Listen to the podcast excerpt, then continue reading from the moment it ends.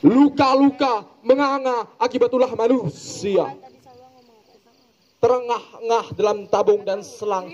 Aku, seorang petani Bojong Sari, menghidupi mimpi dari padi yang ditanam sendiri. Kesederhanaan panutan hidup. Dapat untung lipat dan ditabung. 1974. Tanah air yang aku cinta berumur 29 tahun. Waktu yang muda bagi berdirinya sebuah negara. Lambang Garuda dasarnya Pancasila Undang-Undang 45. Merajut banyak peristiwa. Peralihan kepemimpinan yang mendesak.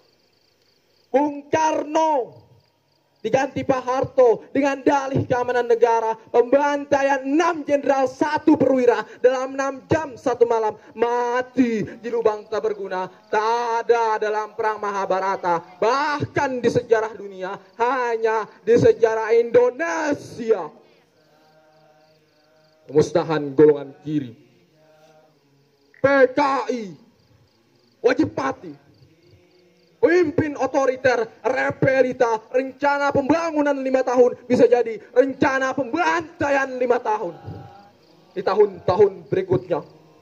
Kuda pati penebak misterius. Tak ada salah, apalagi benar. Tak ada hukum negara. Pembantaian di mana-mana diburu sampai gordor, di dimur, digepah, dikatai, digapani, dikarung. Penguasa punya tahta. Yang tidak ada. Bisa diada-ada. Akulah sengkon yang sakit.